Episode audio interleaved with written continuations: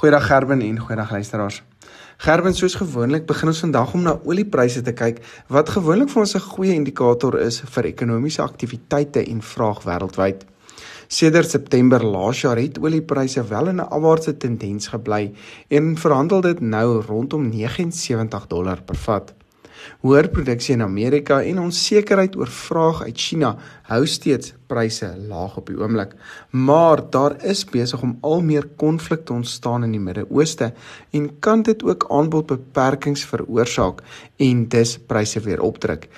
Iets om verseker dop te hou. Die rand verswak oor die begin van hierdie week en verhandel nou op R18.91 per Amerikaanse dollar. En was dit meestal gedryf deur die dollar wat baie sterker verhandel het oor die begin van die week weens die konflik in die Midde-Ooste wat besig is om te eskaleer en dan ook rentekoerse wat oor die nabye toekoms nog op 'n hoër vlak kan bly. Na die eerste veilinge van die jaar het die gemiddelde speenkalfprys op R35.91 verhandel met die hoogste prys nou in Mpumalanga op R37 per kilogram. Ek voel steeds ons kan oor die korttermyn moontlike hoër pryse sien soos vraag behoort te verbeter. Die A23 karkasprys het gestyg na R57.50 met die C-graadprys nou laer op R48.03. Ons verwag steeds dat pryse in Januarie kan daal weens moontlike laer vraag met pryse in Februarie wat weer moontlik kan begin styg soos ons nader aan April begin beweeg.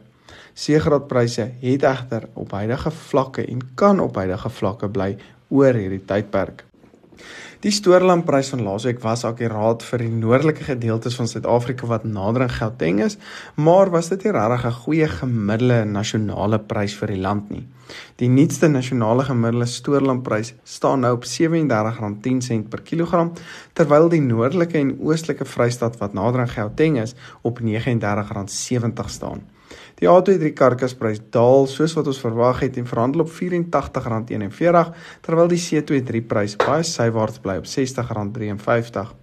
My gevoel is dat die A23 prys binnekort in 'n opwaartse tendens kan begin inbeweeg en stelselmatig styg soos ons na die middel van die jaar te beweeg terwyl stoorlandpryse in Februarie moontlik weer 'n hupstoot kan kry as gevolg van addisionele vraag en met die baie reën of goeie reën wat ons nou in meeste produksieareas gehad het, kan van die prosente weer bietjie terughou en ek dink dit kan die aanbod dalk ook moontlik bietjie beperk. Ons het ook gesien dat wolpryse die jaar op 'n hoogtepunt begin het en styg die nuutste RWS prys na R182.37 met die nuwe RWS prys ook hoër op R160.62 en was dit as gevolg van die wisselkoers wat natuurlik swakker is, maar ook internasionale pryse of die Australiese pryse wat dit ook op 'n hoër vlak verhandel het as gevolg van hoër vraag. Hoendervleispryse het ongelukkig skerp teruggesak oor die begin van die jaar met die gevriesde prys op R37.19. Die varsprys staan op R38.01 terwyl die IQF prys daal na R34.16. Ons verwag dat hierdie pryse 'n bietjie kan styg soos ons na April maand toe beweeg. Varkpryse daal verder die afgelope week met die spekvarkprys op R32.76. Vleisvarkpryse daal skerp na R33.01 terwyl die nuutste worsvarkprys daal na R24.71. Varkpryse behoort nou in stelselmatige afwaartse tendens te bly oor die eerste helfte van die jaar weens moontlike laer vraag.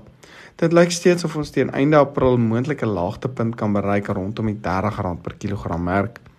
Die eerste bokpryse van die jaar het ook nou verhandel en het hierdie pryse op 'n hoër vlak ingekom. Groot bokpryse styg na R55.86, klein bokke styg na R51.14 terwyl die nuutste bokooi prys gestyg het na R38.80 per kilogram.